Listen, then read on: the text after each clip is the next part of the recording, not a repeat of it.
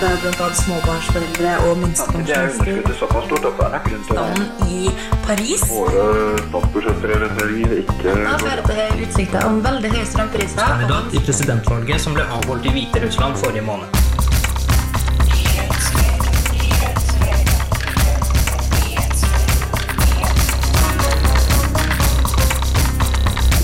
Nyhetsfredag.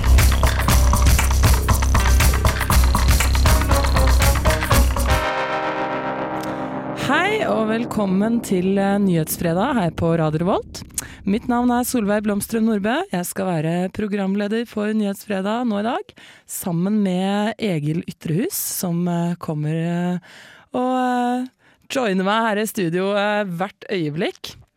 Så det her semesteret så skal jeg og Egil bytte på å være programledere, så det er klart. Neste uke så kommer det til å være meg igjen. Og eh, vi skal ta med oss i studio andre reportere fra samfunnsredaksjonen. Eh, og vi skal spille gode reportasjer. Ikke minst skal vi diskutere interessante samfunnstemaer med veldig kunnskapsrike mennesker. Og vi skal ha fokus på å hente kunnskap inn i studio. Og Egil, der er du. Er ikke dette alt sammen riktig? Det er helt riktig. Ja, det er bra. Så eh, hva er dagens hovedtema, kan du fortelle meg? I dag er hovedtemaet eh, den, den mye omtalte, men den litt sånn mystiske realfagskrisa. Eh, og vi skal få besøk av eh, kjemiprofessor Martin Ystnes, som skal forklare litt om hvordan det står til med realfagskunnskapene til studentene ved NTNU. Men eh, selv om vi har et flott program i dag, skal vi ikke slutte å spille god musikk av den grunn. Ja, det er helt enig. Aller først får dere Wu-Tang featuring The Beatles med Run. The pound fell, cops is coming, run,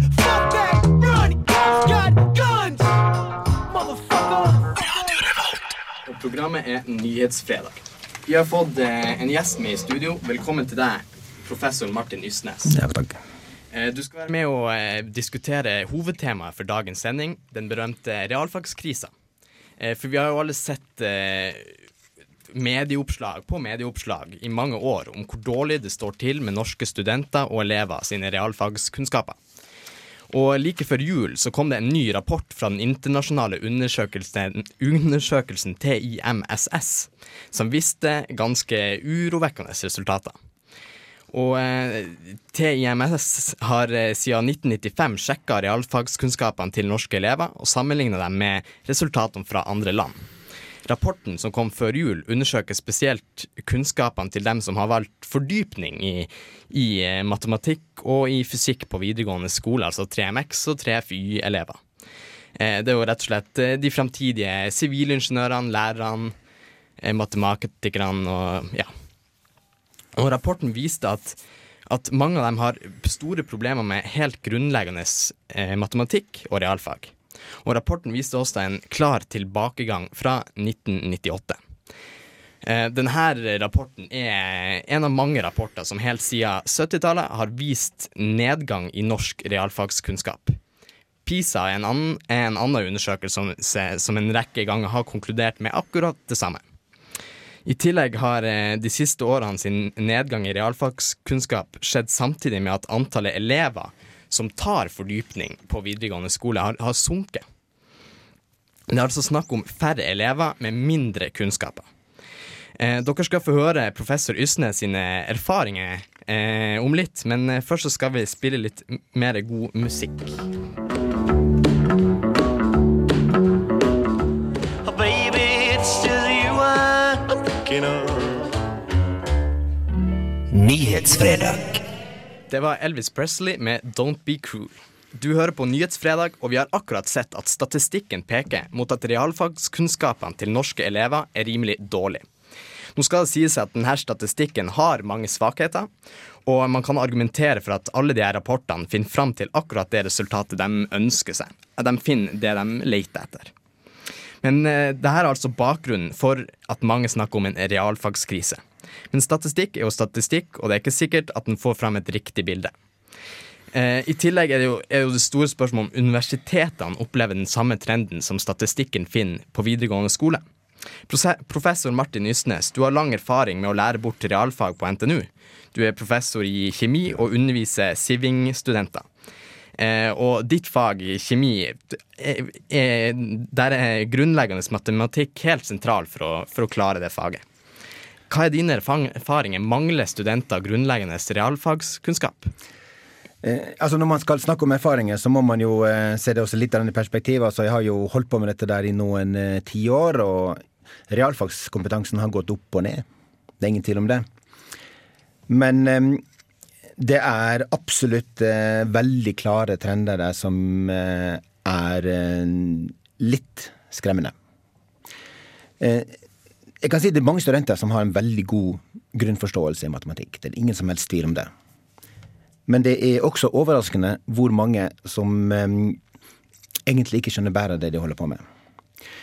Og um, altså, jeg holder på med kjemifaget, men ikke for kjemikerne. Men for eh, ja, gjennom tiden har vi nesten hatt uh, alle som driver med andre typer for, for sivilingeniørstudier. Bygg, maskin, energi og miljø, you name it. Så eh, siden årtusenskiftet har hatt over 5000 studenter, så det, eh, det er blitt litt av hvert forskjellig. Og eh, hele tiden så eh, fikk jeg høre dette der om at eh, jeg får ikke til, for jeg har ikke hatt kjemi før.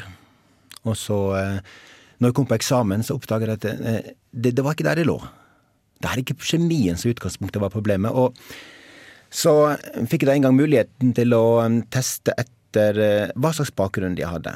Og da viste det seg at eh, om de hadde hatt kjemifører eller ikke, det hadde nesten ingenting å si. I toppen en halv karakter i snitt for de som hadde kjemi, for de som ikke hadde noe i det hele tatt. Men det som hadde veldig mye å si, det var matematikken. For de som da hadde seks i matematikk, de hadde jevnt over to karakterer bedre enn de som hadde fire i matematikk. Hadde det noe å si eh, hvor i landet de hadde gått på skole, f.eks.? Eh, Det har jeg ikke eh, gjort noen undersøkelse av i det hele tatt. Nei. Og jeg vil tro at kanskje tallmengden der er for liten. Men altså, jeg kan si det liksom som det og Nå hadde jeg litt begrenset tall, jeg fikk ikke fra alle sammen, men det var så tydelig. De som da hadde seks i matematikk, uansett om de hadde kjemi eller ikke, så hadde de B i snitt. Forskjellen var mindre enn en tiendedel. De som hadde fire, de hadde D i snitt hvis de hadde kjemi fra før, og E i snitt hvis de hadde matematikk, ikke hadde kjemi fra før. Så så enorm forskjell. Og jeg hadde problemer med å skjønne den forskjellen. Fordi at fire skal jo egentlig være et godt resultat. Men var det, var det bedre før? Har du opplevd at, at eh, det har blitt ja, flere som har problemer med matematikken? Når det gjelder den grunnleggende problemet med matematikken, ja, så er det klart flere som har problemer nå i dag, selv om vi nå i dag har krav om en firer i matematikk. Klart, Hvis du går ca. fem til ti år tilbake i tiden, så hadde vi en periode med veldig svake opptak. Og uten noen krav. Og da, da var det for å si det rett ut, da var det horribelt. Da var det studenter som ikke skjønte noe som helst grunnleggende. Men de forsvant også relativt fort. Men går du enda lenger tilbake i tiden, så var det veldig lite av de problemene som jeg opplevde da. En annen ting er også selvfølgelig dette der som går på, på ren tallforståelse. Å skjønne hva de holder på med. Altså, en litt ekstremt eksempel var jeg så en student som la sammen 1000 med, pluss 1000 med kalkulator, fikk 11 000 og aksepterte svaret. Jeg har eh, opplevd på en eksamen hvor man skulle regne ut eh, egentlig samme tall to ganger med litt forskjellige verdier. Og en gang så har vedkommende ganget dem sammen, og i neste forsøk har vedkommende de fordelt dem på hverandre. Og Tallene skulle bli omtrent like, men det blir jo selvfølgelig ikke det, og vedkommende legger, legger det ikke engang merke til. Så du beskriver altså at mange elever har, har store problemer med, med grunnleggende matematikk. Ja, og da er det langt mer grunnleggende enn det man tenker på når man liksom snakker om matematikk. Altså det, det er i det hele tatt i stand til å bruke logikken når de skal begynne å holde, holde på med tall. Det mangler hos enkelte dessverre i dag. Er det her en er det her en, er den her mangelen på grunnleggende logikk Ser du at det kommer oftere, det problemet? Eller er det Altså- har, har det vært, Var det verre nå enn i fjor, for å si det sånn? Eh, eh, Det blir veldig vanskelig å si noe om, fordi at eh, det varierer jo litt med inntakskarakterene. Ja. Så, eh, og fra år til år så kan, du, kan man ikke si noe sånn sikkert. Men trenden er at det problemet blir større. Ja, det er det. Og eh, den typen problemer som jeg ser eh, jeg kan si Jeg vil anta kanskje sånn rundt 15 av de som går i første, er problemene så store at eh, jeg egentlig ikke kan regne med at de kan klare å komme gjennom. Vi skal se litt på hva som skjer med de her eh, med de elevene som har problemer med grunnleggende matematikk når de kommer litt lenger opp i eh, universitetssystemet og høyere årskull, etter at vi har spilt litt mer musikk. Her kommer Devendra Bernhard med 'Baby'.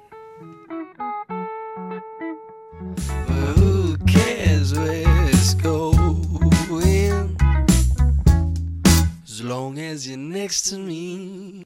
Du har beskrevet rett og slett en, en realfagskrise blant eh, førsteårsstudenter på NTNU. Blant Siving-studenter. De, de som i framtida skal bygge bruen vi skal kjøre på, og eh, ja, utvikle den eh, nye tek teknologien som hører framtida til. Eh, men jeg lurer på det, Tror du det er den samme trenden når man kommer litt, litt opp i eh, årskullene? Er andre og tredje i år på universitetet Klarer, klarer universitetet å rette opp det her eh, mangelen på matematikkunnskapene de har fått med seg fra videregående? Det er litt sånn både og der. Altså, det som jeg har sett ut fra når jeg har hatt mulighet for å følge opp noe, det, er, eh, det tyder egentlig på at de som er fullstendig blanke i den logikken her, de faller ut. Altså, jeg hadde da en gang den muligheten at uh, var byggstudentene flyttet fagene fra mitt fra andre til første. Da hadde jeg første- og andreklassinger samtidig. Og blant de som var i andre klasse, og det var over 100 stykker, da, som jeg da kunne finne ut fra nummeret at det var i andre, så var det én som strøyk pga. total mangel på logikk. Et par som ikke hadde gjort jobben sin i det hele tatt, men altså det var én. Mens for førsteklassingene så var det 14% som strøk pga. det. Og den forskjellen kan jeg bare tolke dit at den mengden som da er på det nivået, den har enten falt fra, eller de måtte lære på nytt å bruke hodet. Så kanskje kommer det der videre, men det er en annen problem som er litt, eh, kommer med der, og det er det at hvis for mange har problemer, da vil du veldig fort få en holdning om at ok, det er noen problemer med undervisningen. Med andre ord, eh, det ender opp med en nivåsenking. For å på en måte å få folk gjennom. Og den tendensen tror jeg har vært en del av. Så, så NTNU har senka kravene sine. Jeg tror nok NTNU er blant de som har prøvd å stå imot nokså mye. Det tror jeg nok. Men eh, det er nok en del ting som jeg ser at jeg har nå har jeg en del ganger hørt snakk om diskusjon av pensum og sånt, at eh, på noen punkter så eh, har man funnet det lettest å eh, gjøre pensumet litt enklere, ja. Og det er nok en ting som på sikt vil eh, si, redusere hele nivået, ikke bare for de som er i begynnelsen, men også de som kommer lenger oppe. Samtidig må jeg si at det at de har satt et krav om fire i inntak i matematikk, nok også har vært en måte å beskytte seg mot akkurat dette der. Jeg vil tro at andre studier har atskillig større problemer med dette problemet. Ja, Så du, du beskriver rett og slett et problem som, som eh, rammer dem, dem i landet som skal være best på realfag. Ja, men altså, jeg tror det, det som jeg ser, tror jeg faktisk er enda større problemet for de som eh, kanskje går inn i andre kan si, yrker hvor de ikke nødvendigvis skal være best. Altså For eksempel en lærer skal ikke være best i realfag. Men når jeg ser hvor store problemer mange av de som har fire matematikk, har med den grunnleggende logiske forståelsen, så vet jeg at eh, hvis man da kan komme inn som lærerstudie med tre matematikk, så betyr det at veldig mange av dem ville overhodet ikke ha sjansen, selv med hardt arbeid og stor innsats, å komme gjennom et studium her oppe. Så du er redd for kvaliteten på, på de nyutdanna lærerne i framtida? Ja, det, og det må jeg si, det er ingen tvil om. Og jeg har kanskje lyst til å gå litt inn på det som For dette sånn Jeg er nokså sikker på hvor problemet ligger. Det grunnleggende problemet, hvorfor det er så ille. Okay, Det, det er mange ting, men altså det, det er én ting som ligger der som er helt sentralt, og det som egentlig skremte meg da jeg hørte om det, og det er noe som heter regelboken. Og jeg vil si det er eh, det verste pedagogiske masseødeleggelsesvåpen som eh, noen gang har vært i den vestlige kultur, tror jeg. Altså, regelboken går ut på at når du skal lære matematikk, og hver gang du lærer noe nytt, så skriver du eh, en oppgave inn i en bok, i en perm. Med andre ord, når du da kommer seinere, så trenger du ikke bruke hodet, for du kan bare liksom eh, bla i bøkene og så finne ut ok, der har jeg gjort den oppgaven før, kan putte inn de nye tallene. Og um, det går greit hvis det stopper der. Men problemet er at hvis de da finner en oppgave de ikke har gjort før, så tar de den som ligner mest. Og jeg har jo spurt mine studenter evalueringer om disse tingene der, og det er også blant altså de studentene som, tross alt vi har, som er jevnt over, godt over gjennomsnittet, så er det mange som sier at de var avhengig av regelboken også med lekselesing. Med løsning av oppgaver i matematikken. Og det ser man veldig tydelig når man både kommer på øvinger, og også faktisk på eksamen. At du får svar av typen 'det ligner'. Altså, du kan tenke deg, For å ta, det over nå som en kjenner, at hvis du får lære et en person Han er 1,80 høy, og så veier han 75 kilo. Og så kommer du på en prøve, og så spør de hvor høy var personen. Og så svarer de 75. Jo, for det var et tall som var knyttet til den personen. Tilsvarende kan du se i en kjemi så har du eksempel det at det, molvekten er 18 gram.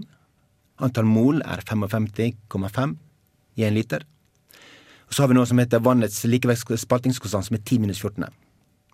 Og så kan du spørre om hva er molvekten på vann, og så får du 10 minus 14 som svar. Så du mener at eh, hjelpemidler som man får flere og flere av i den norske skolen før universitetsnivå, eh, rett og slett ødelegger for videre utdanning? Den, eh, med regelboken er det ingen som helst tvil om det. Og det som er problemet, altså man har jo sluttet med å bruke regelboken på deler av eksamen til slutten av videregående skole. Men det hjelper ikke, for veldig mange har lært altså de, de, tror at Kanskje til og med de har lærere som kanskje forteller dem at nei, det går ikke an å skjønne dem, men du kan bruke regelboken. sant? Ja. De, de måte, altså, for- meg er det litt som det å Hvis hele Norge skulle begynne ha et svømmekurs hvor du skulle lære å svømme med svømmebelte. Ja. Og etter hvert så får du lærere som bare kan som som har lært å svømme med svømmebelte, som nærmest på en måte ser ned på de som på en måte ikke gjør jobben sin skikkelig og ikke tar på seg svømmebelte. Altså. Litt av den jobben her, holdningen her har du nå i realfag, og den er direkte skremmende å se. Så du tror at eh, Eller tror du kanskje det kan være en tendens til at ungdommer som vet de kan ha med seg regelbok på f.eks. første delen av eksamen, rett og slett satser på å stå på det om de skulle gå dårlig på den andre delen uten hjelpemidler? Ja, det og, men problemet er at de har holdt på med det i mange år. Og um, de har på en måte kanskje mistet totalt troen på at de kan lære det logisk. Og så blir matematikken det blir jo vanskeligere og vanskeligere. Og hvis du ikke prøver å bruke logikken når det er enkelt, så får du store problemer når det blir vanskelig. Ja. Og det er det som eh, låser dem i et problem der, altså. Ja, Du har beskrevet altså at det, det er rett og slett et problem i hvordan eh, matematikkundervisninga er lagt opp på, eh, gjennom grunnskolen og gjennom den videregående skolen. Og når jeg snakker med hva si, erfarne realfaglærere, så påpeker de akkurat det samme. Og jeg, jeg, de er så hva si, De er- advarer så mye bruk av regelboken. Og eh, Sist for eksempel, hadde jeg også en skoleklasse på besøk. og jeg påpekte at Hvis de helt skal begynne der oppe, hvis de har en fire matematikk, og de får den fordi det er avhengig av regelboken, så bør de ikke komme hit. De har ikke sjanse å komme gjennom det. Og læreren sier det har de prøvd å fortelle dem hele tiden, men de tror dem ikke. Så eh, altså, jeg tenker litt sånn, blir ungdommer i dag nesten lurt litt til å tro at de kan gjøre hva som helst, for det er jo det man får presentert for seg på rådgivningstimer osv. Men så lenge du mangler den grunnleggende matten som du har lært deg i fingrene via kalkulator og regelhefter og alt, så, så er det egentlig ikke så stor sjanse for det. Nei. Når man ser at så mange detter av et sånt studie som dette. Ja, altså Det er ikke bare studie her. altså Vi har jo en enorm frafall også under videregående skole. Og, og det er det ikke snakk om bare matematikken, men egentlig alt hvor det krever logikk for å skjønne det. Der får du problemer. Vi skal fortsette diskusjonen etter litt mer god musikk. Start run, we got the true phenomenon. Article, slang professor from the beat. Poppin', don't go that far. You may have missed the moon, but was amongst the stars. Du hørte Medina Green med Party Done. Programmet er Nyhetsfredag, og eh, vi har med oss professor Martin Ystnes her i studio. Og eh, jeg lurer på, Martin, er du redd for kvaliteten på de nyutdanna eh, de nyutdanna studentene fra, eh, fra NTNU? Er du redd for at de, eh, de som blir utdanna som sivilingeniører, ikke har den matematikkunnskapen som skal til for å være ingeniør? Eh, Jeg er litt usikker på akkurat det. Jeg er mer redd for at vi får for få. At for mange Altså vi, får etter hvert for liten pool av kvalifiserte søkere å ta inn. Kanskje for få som vil virkelig kunne klare seg. Men i alle fall, jeg vil tro de beste vil faktisk klare seg gjennom dette. fordi at på en måte de har fått inn logikken, de har skjønt logikken, og de lærer faktisk veldig enkelt. Det er faktisk overraskende hvor fort de lærer. Det, det de klarer å få på et, et, semestersfag på det kjemi, altså det er totalt imponerende for enkelte. Så eh, jeg tror vi finner det gode, men jeg tror at sannsynlig at det, mengden av gode nok kommer til å bli et problem etter hvert.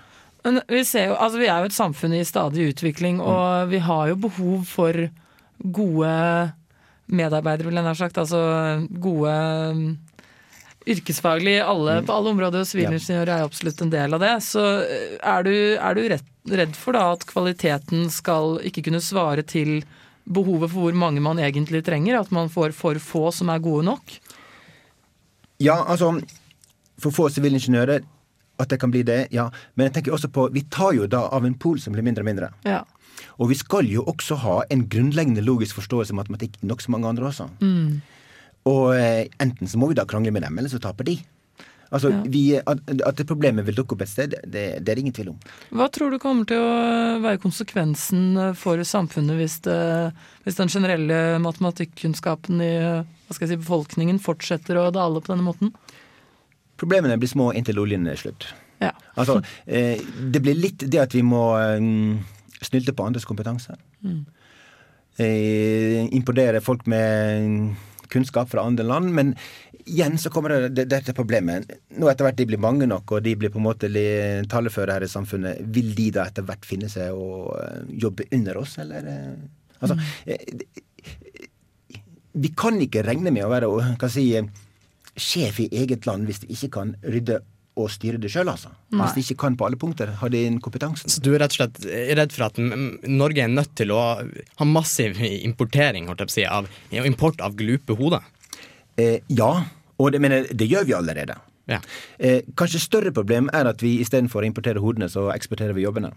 Og det gjør vi også allerede. Jeg mener, Flere bedrifter har fullstendig eh, sluttet å drive med forskning og utvikling i Norge og tar det i utlandet istedenfor.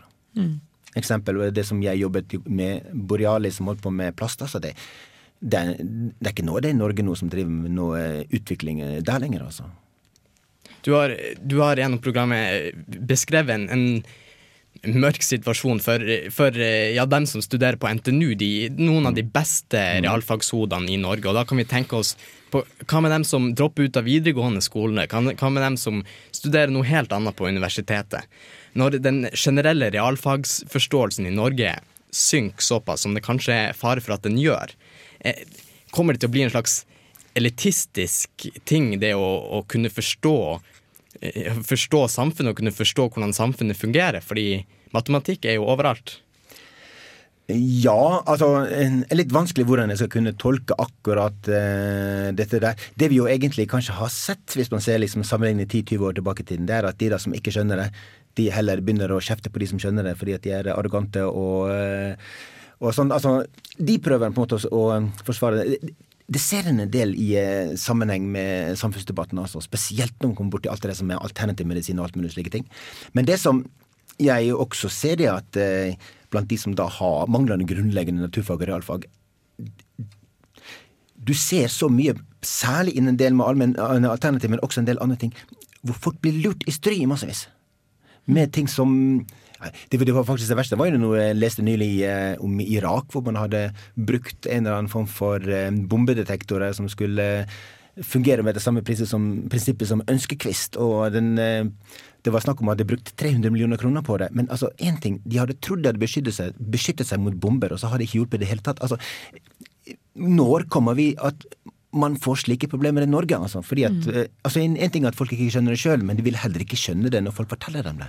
Nei, for det, det er jo eh, tydeligvis da et eh, økende problem. Og eh, jeg må jo si, altså Egil du går på Gløs, men jeg går på Dragvoll. Og min, vår generasjon har jo egentlig i hvert fall innbilt oss selv, om vi ikke fått høre at nei, matte det er jo noe vi ikke kommer til å få bruk for uansett, så det er ikke noe vits i å legge noe særlig i det. Men det, det kan jo bli slått ganske hardt ned på i løpet av de kommende årene, tydeligvis. Ja, man snakker jo om dessertgenerasjonen, men kanskje etter hvert vil vise seg å være lettlurt generasjon. Altså det, eh, eh, vi har jo hatt veldig mange av alle disse fra pyramidegreier og alt mulig sånt, hvor folk har blitt lurt i massevis. Mm. Det er klart, En viss kunnskap hjelper der, altså. Og når den kunnskapen ikke finnes der, eller på en måte Ja, jeg må sjekke i, i side 34 av bind 48 av regelboken for å finne ut av de tingene der. Altså. Det, det, det, hjelper ikke. Vi skal spille litt mer musikk eh, før vi eh, skal eh, avslutte denne saken om realfagskrisa i Norge. Det skal vi. Vi skal høre James Pants med A Chip in the Hand.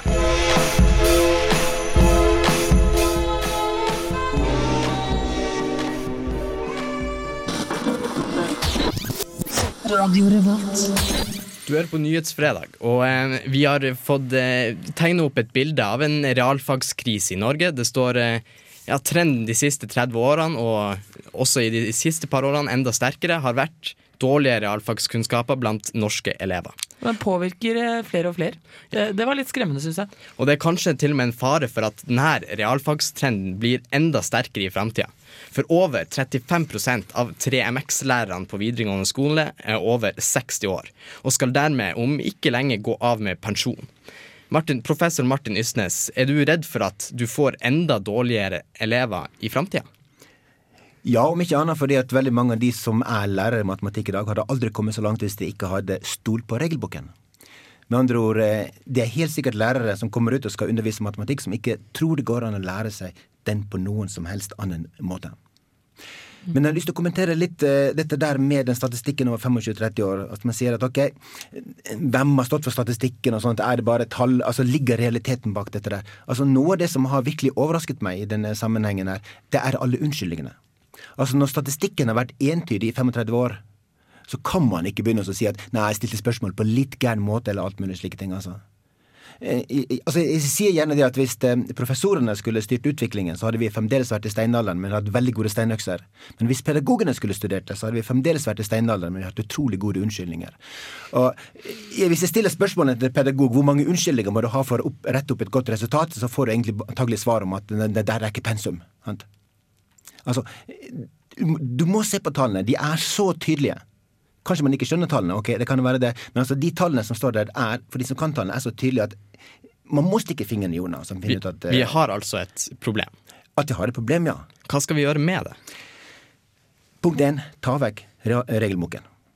Punkt to, man må innse at faktisk, faktisk folk har forskjellige evner og anlegg. Og jeg vet at blant mange lærere så er dette der veldig kontroversielt.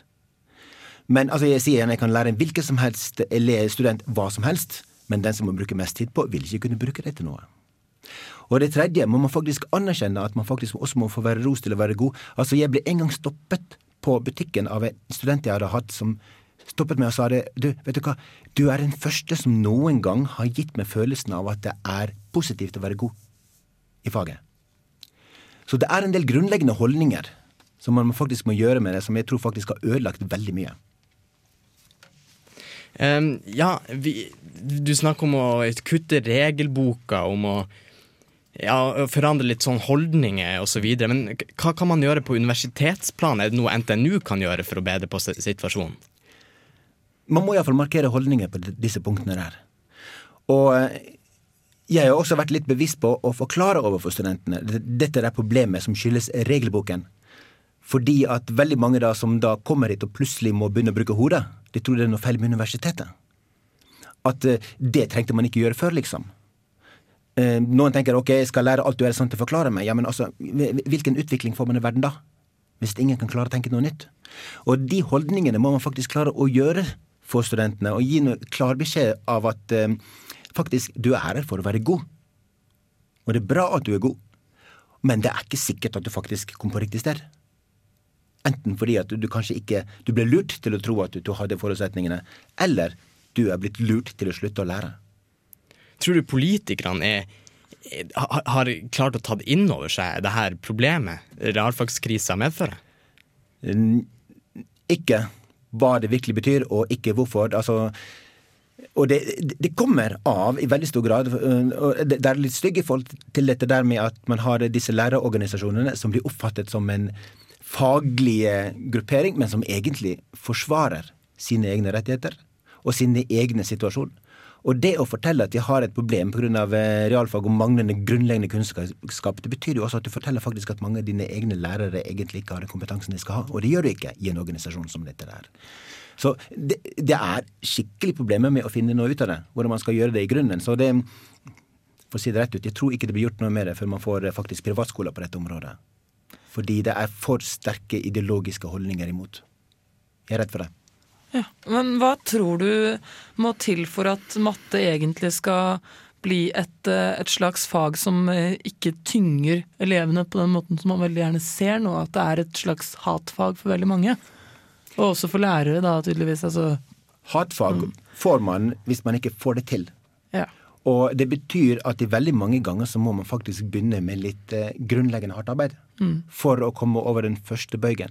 Og det kan jeg si, det, det er noe av det som gjør at såpass mange mm, kan jeg si, eh, fagretninger vil ha mine fag. For jeg, får, jeg jobber for å få studentene til å jobbe. Og når de først har jobbet, så kommer interessen. Men eh, den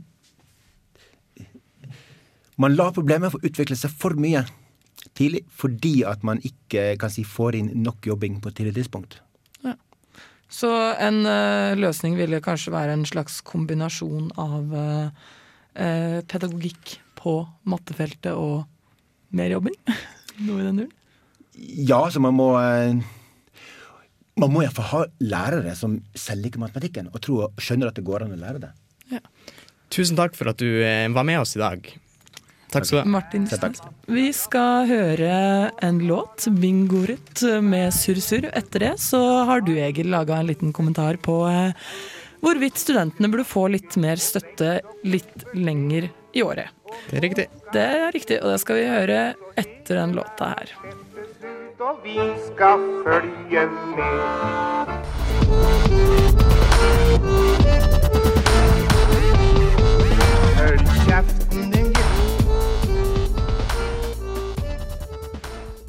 Så jævlig lei av at studenter syter og klager over at de har så dårlig råd. Det er fullt mulig å klare seg på dagens lån og stipend. Om man har lite penger, er det fordi man har for stor hybel og drikker for mye øl. Det virker som om mange mener at studenter har en slags rett til å kunne opprettholde lik levestandard som gjennomsnittet i Norge. Hvorfor i all verden er det en rett? Når man er ung og studerer, kan man ikke forvente å opprettholde et forbruk som om man var i full jobb. At studenter personlig oppfører seg som noen sytefitte, er for så vidt forståelig. Hvem vil ikke ha mer penger, liksom? Problemet kommer når NSU og SDL, som skal være seriøse og profesjonelle talsorgan for studenter, gjør 10% generell økning fra Lånekassa til sin hovedprioritet. Jeg føler meg ikke representert av de studentorganisasjonene. De argumenterer støtt og stadig for at det er umulig for studenter å overleve på bare studielån. Det er en påstand som ikke holder mål. De argumenterer ved å vise til SSB sine statistikker over gjennomsnittlig pris på leiligheter. Det er rett og slett usaklig. Å argumentere ved å vise til den økonomiske situasjonen til studenter som har barn, er enda mer usaklig. Det er ikke vanskelig å se at det er en helt annen debatt med et helt annet utgangspunkt. Studenter i sin helhet er ikke i en fæl økonomisk situasjon, og det er flaut at NSU og SDL gjør det til sin hovedoppgave å overbevise media og politikere om nettopp det.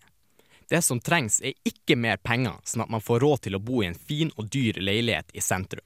Det som trengs er flere studentboliger, sånn at studenter kan bo i enkle, billige hybler. Flere studentboliger, f.eks. her i Trondheim, vil også være med på å lette trykket i et generelt overoppheta leiemarked. Om det finnes mange nok studentboliger, vil mange få en enklere hverdag, og man slipper utleierhaier og stadig stress med ut- og innflytting. Studentorganisasjonene burde konsentrere seg om dette behovet for utbygging av studentboliger, og forbedre ordningene for de studentene som faktisk er i en vanskelig økonomisk situasjon, de med barn. Sånn som det er nå, er de mer representanter for en kjip sytekultur enn talsorgan for studenter. Du hører på Radio Revolt, studentradioen i Trondheim.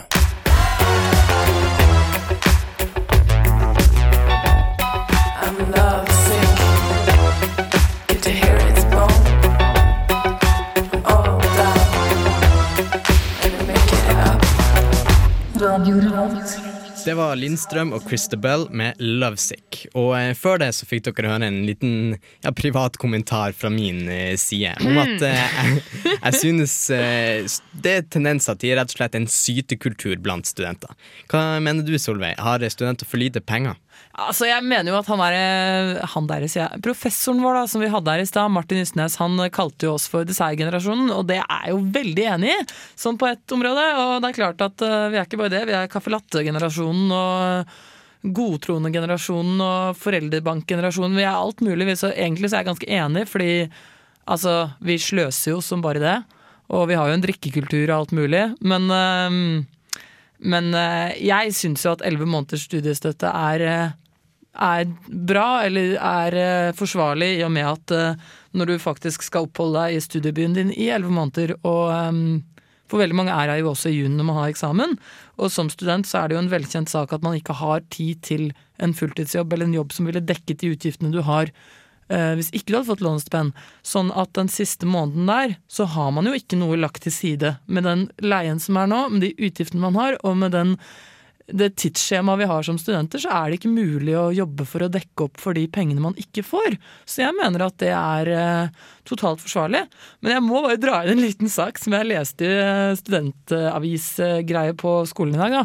At det var en sånn dude eh, i Oslo som eh, Han er 26 år. Han lever for 25 kroner dagen. Og det er bare fordi han har lyst. Fordi han han syns at det er um, veldig mye å spare bare på å kutte ut ferdigmat og kjøpe kaffe hver morgen, og det er jo helt sant, da. Jeg har lest om mennesker som har brukt 700 kroner i måneden på caffè latte, og det er klart at det er jo tullete. Men uh, ja til studiestøtte i elleve måneder, men tenk litt over hva man bruker penger på, sier jeg. Ja, de studentorganisasjonene de argumenterer veldig ofte for at det er ikke mulig å være fulltidsstudent, det er ikke økonomisk mulig.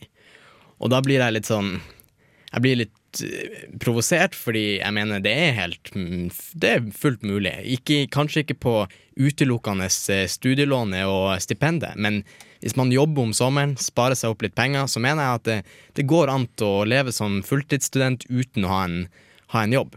Ja, altså jeg lever som fulltidsstudent. Jeg har absolutt ikke noe jobb. Og det, det jeg tenker da, det er jo at eh, planøkonomi det løser egentlig ganske mye. Så hvis du driter i å spise middag på Mækkern hver dag, så, eller tre ganger i uka, så er det jo på en måte Da har du løst ganske mye. Så jeg er jo enig i det, men samtidig så er det de derre Hvor i all verden skal du få de 6500 i juni fra, hvis ikke du får det fra Lånekassa? Og man kan jo ikke Da må du legge av penger hele halvåret før det, da. Fra januar til mai så må du legge av 1000 kroner i måneden. Jeg har 1000 kroner i måneden å bruke på meg selv fordi jeg jobba i sommer, liksom. Det er jo Jeg syns det er eh, horribelt, altså. Jeg betaler 4500 i leie. Og 2000 til mat i måneden. Det, det, Da, ja, da, da, kommer vi litt, litt, inn på, eh, litt inn på en av kommentarene mine. Eh, at hvis man har for lite penger, så er det fordi man har for stor hybel og drikker for mye øl. Ja, men det er helt sant. I hvert fall noen tilfeller. Men, eh, men jeg tror det er Nå syns jeg du generaliserer litt, da, kjære Egil, for det er jo noe med å, å liksom se flere aspekter enn som så. Men eh, jo da, hiv meg på den, jeg. Jeg har eh, svær hybel og bruker alle pengene mine på alkohol. Det er jo faktisk sant òg. Det er det som er så fælt. Og så er det litt, synes jeg er litt synd med de her, at de her organisasjonene står, i, står frampå med den her sytekulturen. Og Jeg syns eh, mange av argumentene deres er ganske usaklige. Jeg syns det er synd at, at det er dem som representerer oss som studenter. Ja, jeg er litt uh, på en måte enig, men likevel ikke. Uh, det, men det er jo klart at vi er luksusdyr, ikke sant. Vi vil jo ha dyr sminke og gå til frisøren to ganger i måneden og diverse, diverse. Men uh, hvis man kan få litt mer tilrettelagt arbeidsmuligheter, vil jeg ha sagt, for studenter, så kunne det kanskje ordna seg. Vel, Og- ja. ja, nå tenker jeg at vi kommer til å glemme alt det vi har sagt nå, og så kommer vi til å gå på byen og feste i kveld og i morgen. Det kommer vi til å gjøre. Ja, Så eh, jeg håper dere gjør det også. Yes, Da begynner det å nærme seg slutten på Ja. Nyhetsfredag i dag. Vi, eh, ja, dere som har fulgt med, har fått med dere en, eh, en professor Martin Ystnes som har vært her og snakka om realfagskrisa. Mm. Og ja, som eh, sagt før, vi, eh, det er, jeg heter Egil Ytterhus. Jeg heter Solveig Blomstrøm Nordbø. Og takk til eh, teknikerne som har hjulpet oss i dag. Håkon Berg-Mathisen og Fredrik Varing. Og mens vi hører Broken Bells kjøre i gang her med Citizen, så kan jeg jo komme et hett tips. Hvis du skal på byen i kveld eller i morgen, ta ut penger, ikke ta med bankkort. Så tror jeg du sparer en del på det. Det var lille sparetips for dagen, og god helg! So you show me around your town. To hell again.